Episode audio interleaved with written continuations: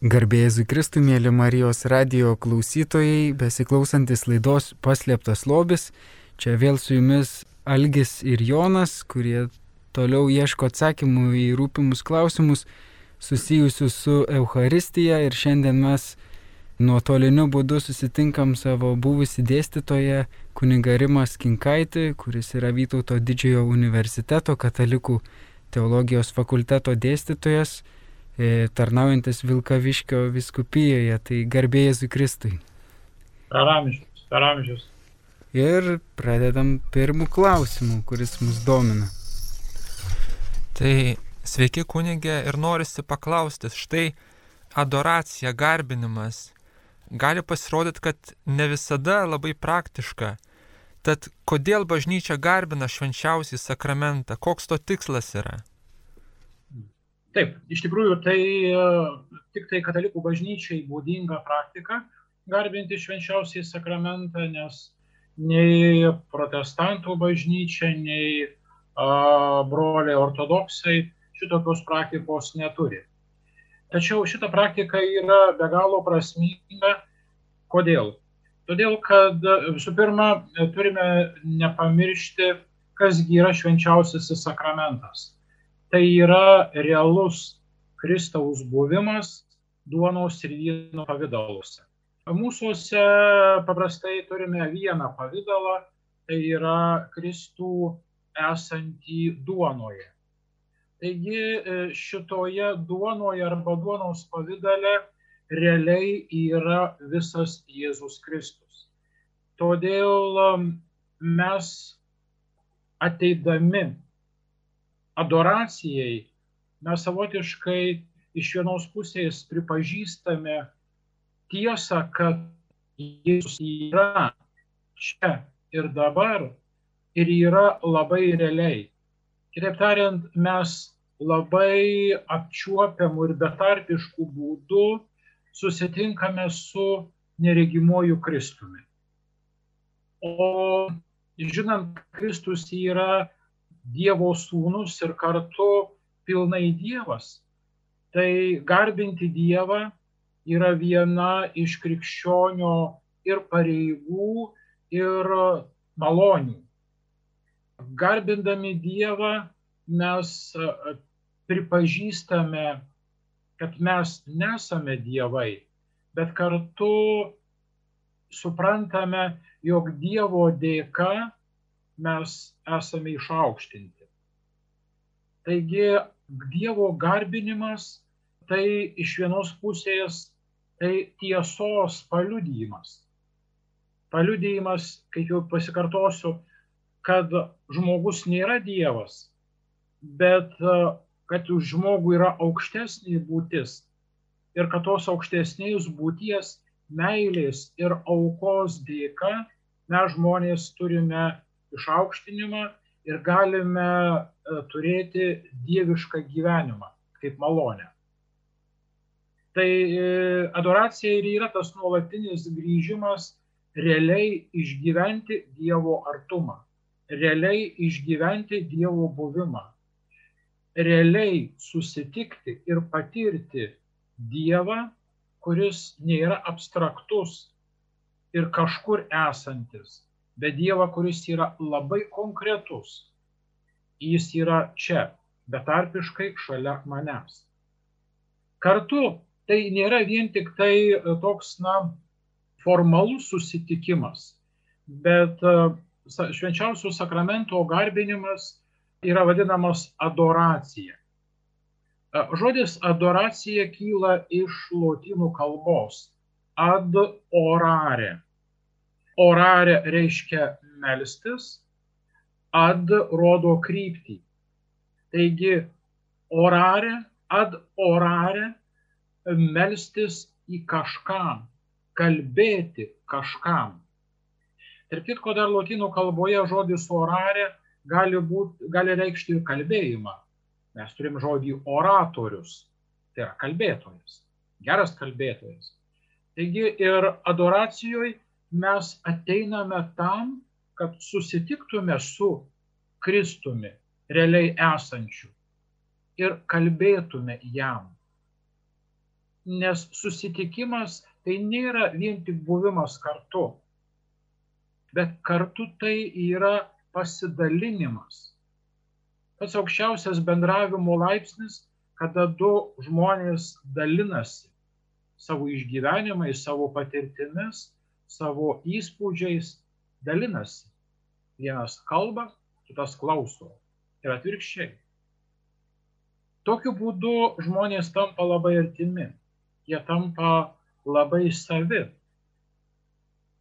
Tai suartėja, per tai suartėjama. Tai adoracija taip pat yra labai svarbu, kad adoracijoje žmogus kalbėtųsi su Kristumi.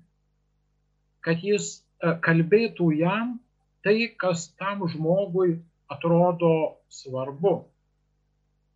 Be abejo, galima Dievui dėkoti, galima Jėzui dėkoti, galima prašyti, galima atsiprašyti, galima jam savo širdgėlą išlieti, savo džiaugsmais pasidalinti.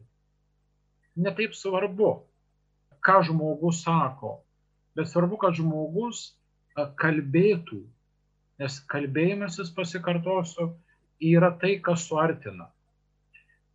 E, teko girdėti kai kurių pasakymų, kad adoracijos metu nereikėtų kalbėti, tiesiog reikėtų tylėti ir žiūrėti į, į ostiją, į Kristų esantį ostijoje. Galimas toks variantas, nes na, čia panašiai kaip ir žmonių tarpusavio santykiuose. Kada turi labai artimą žmogų, kartais ateini su juo, nieko nekalbant, prisiglaudi, pabūni šalia, nusiramini.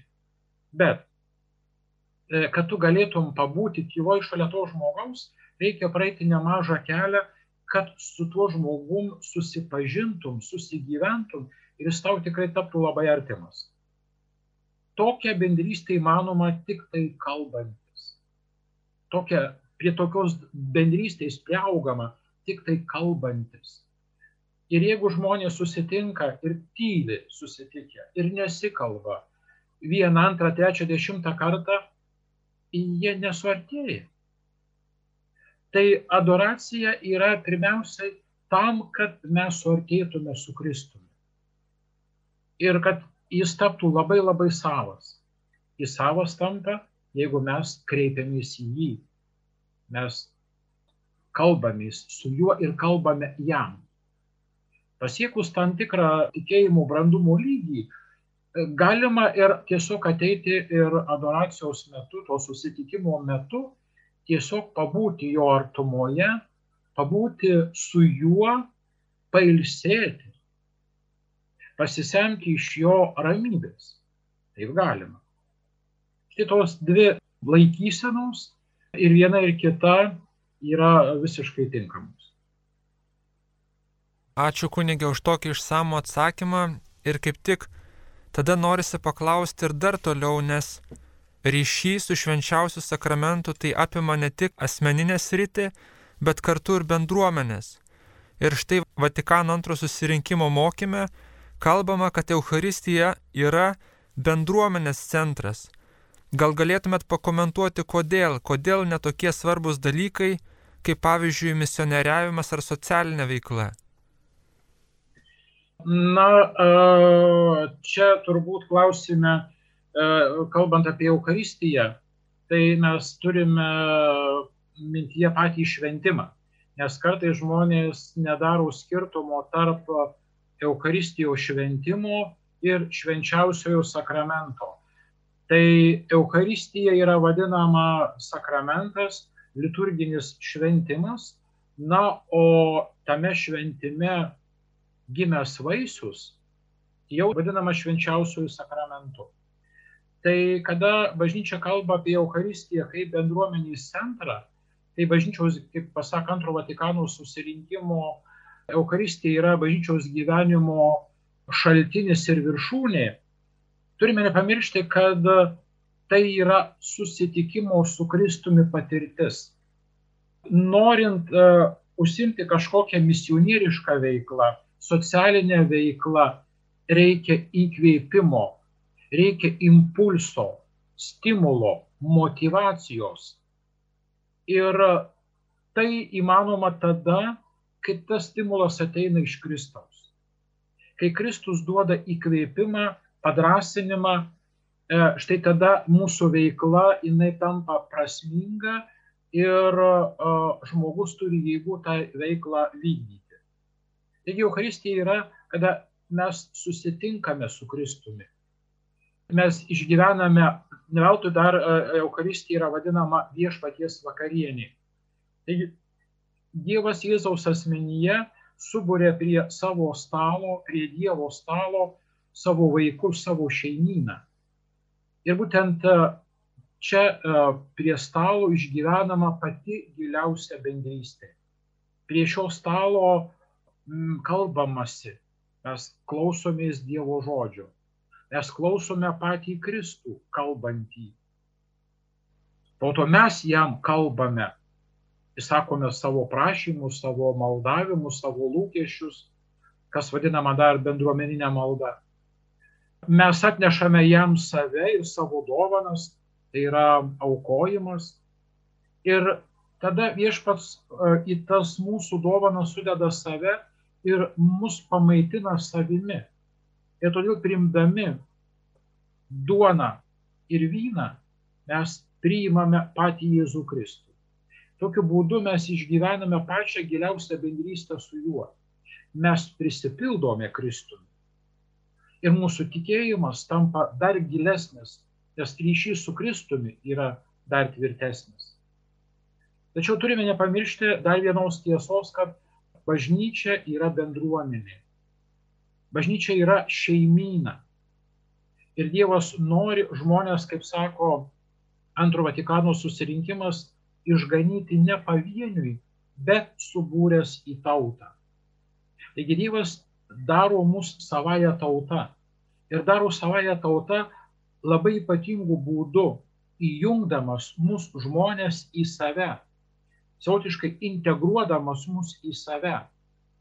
Sautiškai mes esame tarsi šakelės įskiepytos į Kristų amžino gyvenimo medį. Ir šakelės gyvos tik todėl, kad jos maitinasi Kristumi. Šakelės auga, plečiasi, skleidžiasi, duoda vaisių tik tai todėl, kad jos maitinasi kamieno sultimis. Tai Euharistija ir yra, kada mes Dievo vaikai, jo bažnyčios šakelės, maitiname save jo kūnu ir krauju. Tokiu būdu mes maitiname savo tikėjimą. Ir tik tai tada, kai išgyvenam šitą glaudžią mūsų maitinančią vienybę, mūsų veikla darosi vaisinga. Mūsų, mes pradedame aukti, mūsų tikėjimas skleidžiasi, įgaudamas vienokias ar kitokias formas. Švietėjiška, pastoraciniai, karitatyviniai, dar kokia nors veikla. Todėl bažnyčia ir iškelia Euharistiją kaip viso ko pagrindą ir šaltinį. Ir yra pirmųjų amžių krikščionys, sakė, sensa dominikum non posimus.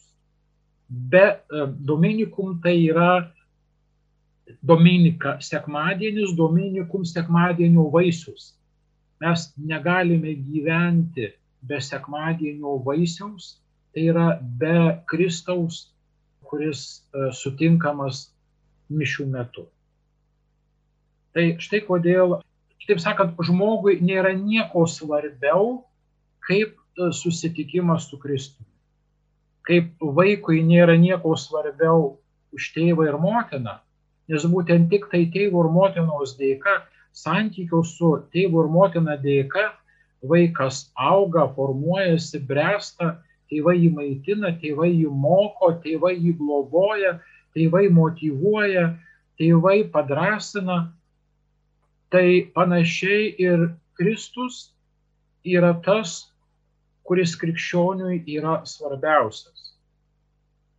Ir dėl to iš jo jisai semiasi stiprybės, semiasi tvirtumo, semiasi išminties, kurią po to skleidžia jau įvairiose savo gyvenimo veiklose.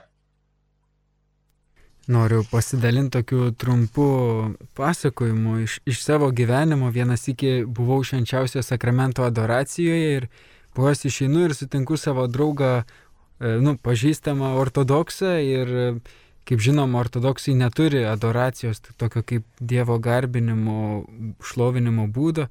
Ir mes kalbėjom ir jisai pareiškė tokią nuomonę, kad va, katalikam reikia švenčiausio sakramento adoracijos, nes jų mišios e, labai trumpos, nėra jokios gilumos. Čia galbūt net apie Vatikano antrąjį susirinkimą šiek tiek pakalbėjo, kad va po to susirinkimo čia viskas taip pasikeitė, kad mišios trumpos, trūksta tylos, dvasingumo.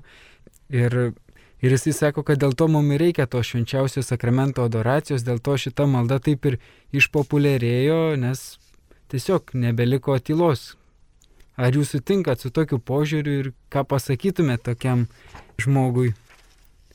Na, nelabai sutikčiau, todėl kad e, norint rasti tylą, nebūtina eiti adoruoti švenčiausiai. Bet tylą galima rasti gamtoj, miške, prie upės. Taip kad e, netgi savo kambaryje išjungus visus prietaisus ir, ir, ir ir, ir televizija, ir radija ir panašiai, tą tylą galima rasti. Tai e, krikščionis eina ne tam, kad pasimėgautų tylą, bet brandus krikščionis eina tam, kad, kaip jau minėjau anksčiau, betarpiškai susitiktų su Kristumi.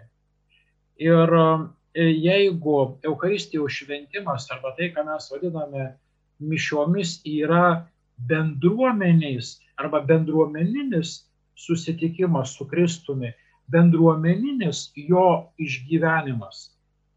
Tai e, adoracija yra asmeninis ir individualus santykis su Kristumi.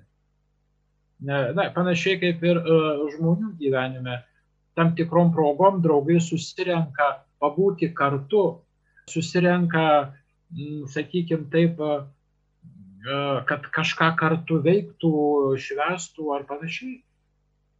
Ir po to žmonės susirenka dviesi, susitinka dviesi, kad sustiprintų savo draugystę.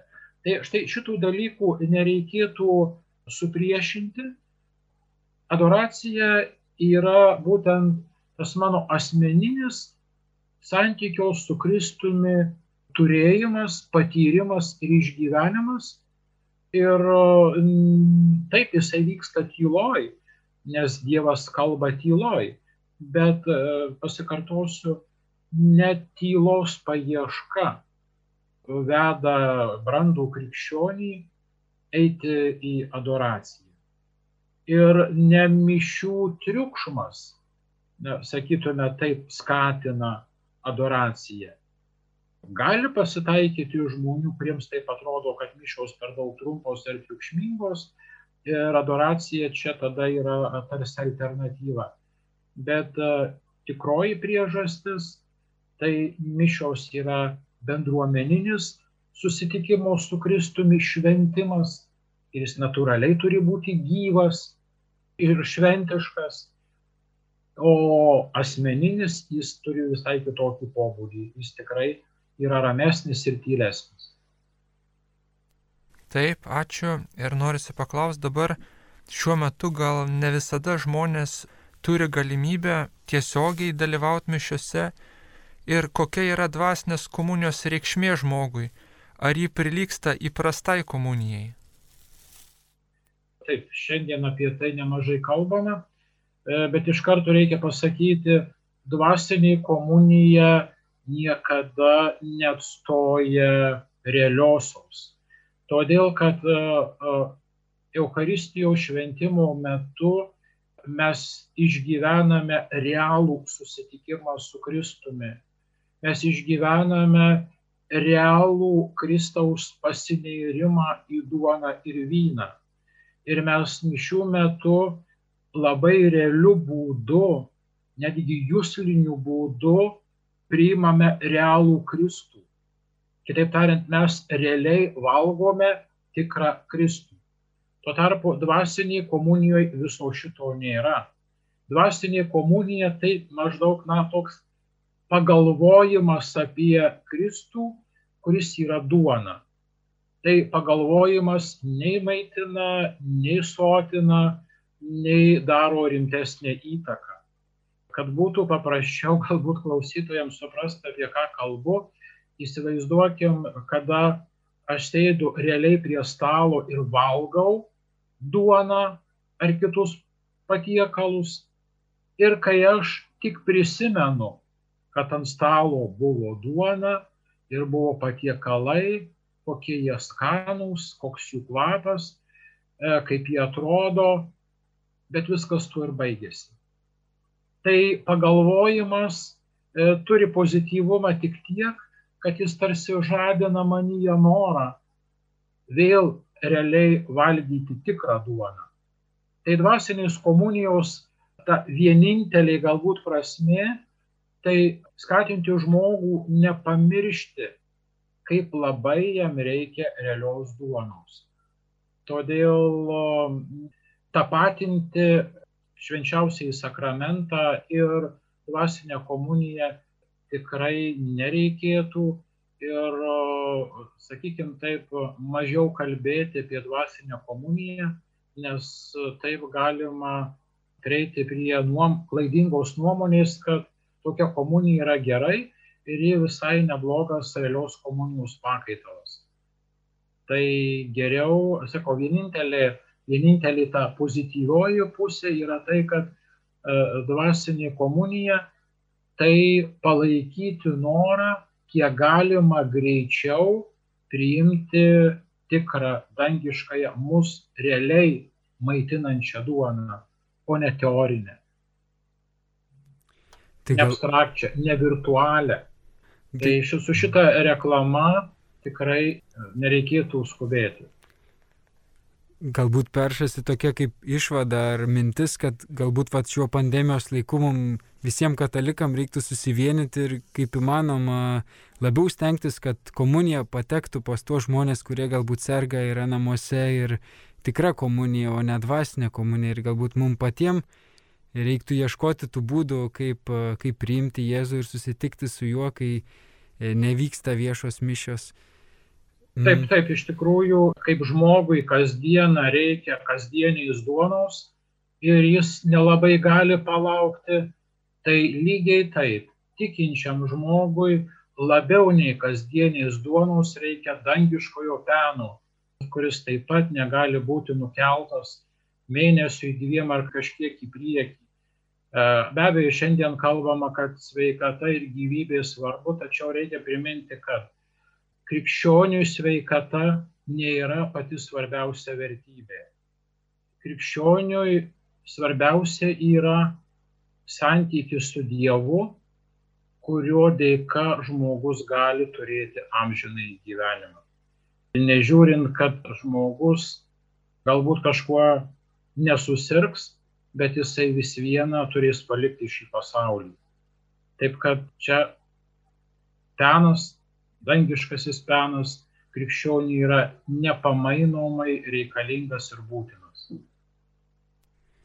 Tęsiant dar tą su pandemija susijusią temą, e, irgi atsirado pandemijos ta dėka, galima sakyti, tai, kad turime komuniją, irgi esame raginami priimti į rankas ir iš tikrųjų per jūsų paskaitas esam girdėję, kad e, iš tikrųjų tai yra labai senas ir būdas priimti į rankas. Ką jūs manote apie šį Euharistijos prieimimo būdą?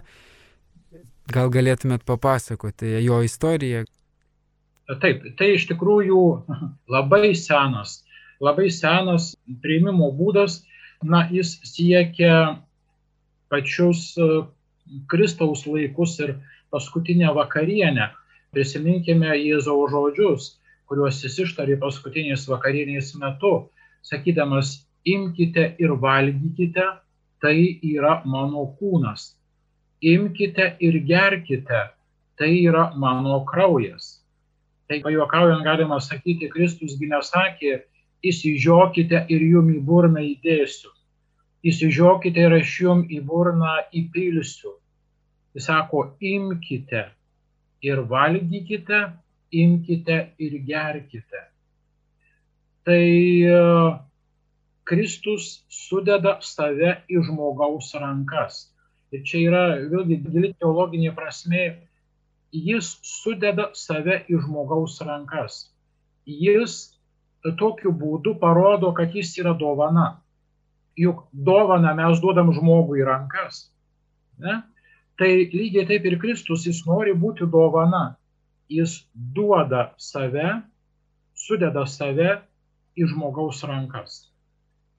Ir pirmaisiais amžiais komunijos prieimimas jis buvo tik į rankas. Yra visai lė bažnyčios tėvų tekstų, kurie kalba, kaip turėtų būti e, priimama komunija. Tai yra sakoma, kad išties rankas, sudėk rankas, kaip vienas iš bažnyčios tėvų sako, paruošk rankas tarsi sostą. Iškia, rankos ištiesiamos, padarant tarsi sostą Kristui, kuris ateina pas žmogų. Tai šita praktika buvo normali pirmųjų amžių praktika, be abejo, vėliau dėl tam tikrų tiek teologinių, tiek praktinių, galbūt ir socialinių aplinkybių ta praktika pasikeitė, tačiau po antrojo Vatikano susirinkimo e, visuotinėje bažnyčioje vėl buvo grįžta prie komunijos į ranką tradicijos ir jie egzistuoja praktiškai visam pasaulyje, na, išskyrus Lietuvą, kažkiek Lenkiją, Baltarusiją, na, vat mūsų tos artimiausius kaimynus bet turbūt žmonės, kurie jau šiais laikais nemažai keliauja, pastebėjau, kad daugelį kitų šalių komunijos prieimimas į ranką yra visiškai normali praktika ir niekas to nelaiko ne kažkokiu nepagarbumu. Todėl ir truputėlį toks paradoksalus dalykas, kad šita praktika į Lietuvą ateina paskiausia iš viso krikščioniško pasaulio ir vėlgi tik tai neteologinių motyvų paskatinta, o pandemijos ir susirūpinimo dėl sveikatos. Bet, kaip minėjau, tai e, labai senas e, gestas ir, sakau, jisai turi prasme, kad Dievas sudeda save į žmogaus rankas tokiu būdu, parodydamas didžiulį pasitikėjimą žmogumi ir na, didžiulį savotiškai rūpestį žmogų maitinti savimi. Imkite ir maitinkitės manimi. Imkite, aš esu jūsų. Iškia tas žodis imkite, tai e, tarsi E, vienas dalykas yra, kada aš įdedu į burną, e, kitas dalykas, kada sakoma imkite, aš tada į tą dovaną ištiesiu savo rankas, atsiliepdamas, kad taip, aš ją priimu, aš ją vertinu, aš jos noriu. Tai labiau atliepia tam Kristaus nusiteikimui dovanoti save žmogui. Taip, ačiū Jums ir dar norisi toliau paklausti apie aktyvų dalyvavimą šventų mišių aukoje. Kodėl Euharistija yra šventė? Ką mes švenčiame ir ką mums daryti, kad Euharistijoje jaustumės kaip šventėje? Na, čia klausimas, paskaitos vertas klausimas. Iš tiesų, Euharistija šventė. Aš jau minėjau, kad Euharistija tai yra Dievo Jėzuje Kristuje ir žmogaus susitikimas šventė, kada susitinka žmonės ir susitinka arba tada, kai jie ilgai nesimatė, arba yra kažkokia e, proga šviesi, jie susitinka ir tas susitikimas jiem yra šventė. Tai mes sekmadienį renkamės susitikti su Dievu. Su Dievu, kuris mus sukūrė, kuris mus atpirko, kuris mus išgelbėjo, su Dievu, kuris myli kaip niekas kitas. Taigi susitikti su tuo, kuris dėl tavęs padarė viską ir kurio dėka tu turi galimybę turėti nuostabią ateitį. Argi nėra malonu, nėra šventė susitikti su tokiu asmeniu. Iš kitos pusės, e, Euharistijoje mes švenčiame mūsų išgelbėjimą, mes švenčiame mūsų atpirkimą, mes švenčiame savotiškai e, Velykas, nes kaip minė popiežius Jonas Paulius II savo laiške Novo Milenium į Neuntę Eucharistija yra savaitės Velykos. Taigi mes švenčiame Kristaus perėjimą iš mirties į gyvenimą. Prisikėlimas, gyvenimo pergaliai prieš mirtį ir to gyvenimo dovana mums yra didžiulis džiaugsmas. Mes turime viltį, mes turime nugalėjusį mirtį, mes turime nugalėjusį į nuodėmę ir blogį. Ir džiaugiamės, kad Kristus laimėjo, džiaugiamės, kad jis gyvas, džiaugiamės, kad jis su mumis, džiaugiamės, kad jis mus drąsina, maitina, sotina, džiaugiamės, kad jis mus apglėbia ir globoja, džiaugiamės, kad jis yra dovana, amžino gyvenimo dovana. Štai tie motyvai, kurie mus nuteikia džiaugsmui. Ir na, visais laikais būdavo didžiuliai šventės, kada kažkoks karalius, karvedys laimėdavo mūšį arba karą, visi džiaugiasi, kad jis laimėjo, kad jis grįžo gyvas. Tai mes tuo labiau turime džiaugtis Kristaus Velykinių įvykių. Kaip jau ir minėjau, jo pergalę prieš mirtį, prieš nuodėmę, prieš blogį. Džiaugiamės, kad jis yra su mumis ir dalinasi savojų gyvenimu su mumis, kad mes turime galimybę su juo susitikti. Na, vėlgi, paprastai kalbant, jeigu mus pakviečia Anglijos karalieniai pietų, mums tai šventė, mus pagerbė toks iškilus žmogus, pakvietė prie savo stalo, parodė mums dėmesį. Mes į, į, į rūmus skrendam turbūt kaip su sparnais. Tai didžiulė emocija. O čia mus prie savo stalo kviečia ne kokia iškilybė ar ne karalienė, mus kviečia pats viešpas. Tai džiugu, Dievui tu rūpi, Dievas tavęs laukia, Dievas nori tavęs savo artumoje, Dievas nori tavęs prie savo stalo.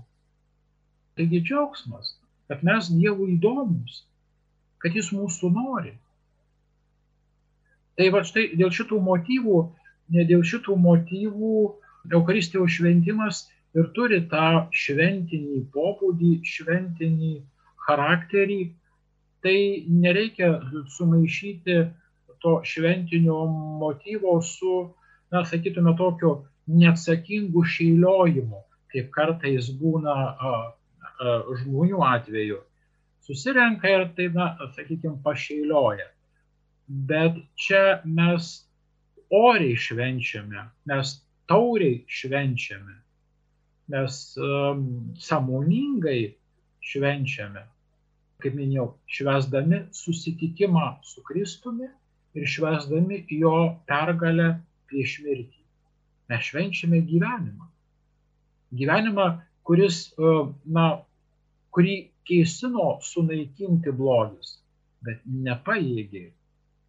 Ir, ir, ir mūsų aplinkoje, mūsų gyvenimus dusinančių patirčių labai daug. Ir, ir mes pavargstam ir nusiviliam, ir kartais rankos vyra.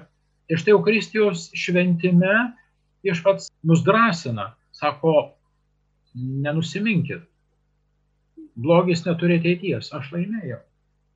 Ir tas padrasinimas taip pat turi labai šviesų charakterį, labai šviesę viltį. Štai kodėl e, liturgijos šventimas jis visada turi, turi tokį džiaugsmingą. Ir džiaugsmingą pobūdį, todėl ir, ir giesmės yra šlovinančios, garbinančios, jos turėtų būti šviesios. Ir, ir pati nuotaika, taip pat tokia, na, giedri mes ne į laidotuvę susirinkom, ne, ne, ne, ne į šermenis, bet mes susirinkom susitikti su gyvoju Kristumi. Jis džiaugiasi savo šeimyną, mes džiaugiamės juo. Oriai, kilniai, tauriai. dar kartais žvelgiant į Euharistiją ar šventų mišių auką, tai atrodo, kad didžiausias akcentas yra Jėzui, Jėzaus atperkamoji auka, bet kyla klausimas, o kur yra šventoji dvasia, ne Dievas trejybė, bet kartais tos šventosios dvasios pamatyti per mišes gali būti sunku paprastam katalikui atėjusiam į mišes, ar šventoji dvasia veikia bendruomeniai švenčiant Euharistiją ir koks jos vaidmuo? Taip, e, teisinga pastaba. Euharistija nėra vien tik tai susitikimas su Kristumi, bet Euharistija yra susitikimas su visa švenčiausiaja trejybė per Kristaus asmenį. Turime nepamiršti, kad viena iš esminių mūsų tikėjimo tiesų yra tai, jog Dievas yra vienas ir triasmenis. Ir kad tas triasmenis Dievas visuomet veikia iš vien ir kartu. Taigi ten, kur pasireiškia ir veikia vienas iš trybės asmenų, ten veikia ir visi dieviškieji asmenys. Nei vieno dalyko, kurį daro Dievas, nedaro kuris nors vienas iš trybės asmenų atskirai. Jie visi veikia kartu. Tai Eucharistijos šventime, Eucharistinėje liturgijoje taip pat yra ir Dievas tėvas, ir Jėzus gyvasis žodis ir šventoji dvasia. Dabar šventosios dvasios koks yra vaidmuo? Šventosios dvasios vaidmuo yra toks pat kaip ir Jėzaus įsikūnymo atveju. Kaip skaitome šventajame rašte? Šventosios dvasios veikimu Marija pradėjo dievišką įsūnį. Šventai dvasiai veikiant, kaip rašo raštas, ji tapo neiščia. Tai paprasta kalba šnekant, šventoji dvasia yra ta, kuri įnešė Jėzų į Marijos iščias. Arba kaip sakė vienas berniukas, šventoji dvasia instaliavo Kristų į Mariją. Tai šventosios dvasios dėka Kristus prasidėjo Marijoje ir tapo kūnu. Tai lygiai taip ir e, šventų mišių metu šventoji dvasia nužengia ant duonos ir vyno ir tuo žmogaus pagamintus produktus įkelia, įneša arba šiandien kalba šnekant instaliuoja mums neregimą, bet realų, tikrą ir visą Jėzų Kristų. Kitaip tariant, šventoji dvasia įkūnyja duonoje ir vyne Jėzų Kristų. Jeigu prisiminsime, kaip uh, viena iš šventų mišių dalių kunigas ištiesia, jis meldžiasi uh, pakeltom rankom ir paskui rankas uh, tarsi um, sudeda virš duonos ir vyno ir sako, šventosios dvasios veikimu pašventink šias paukotas tau atnešas, kad jos mums taptų mūsų viešpaties Jėzaus Kristaus kūnu ir krauju.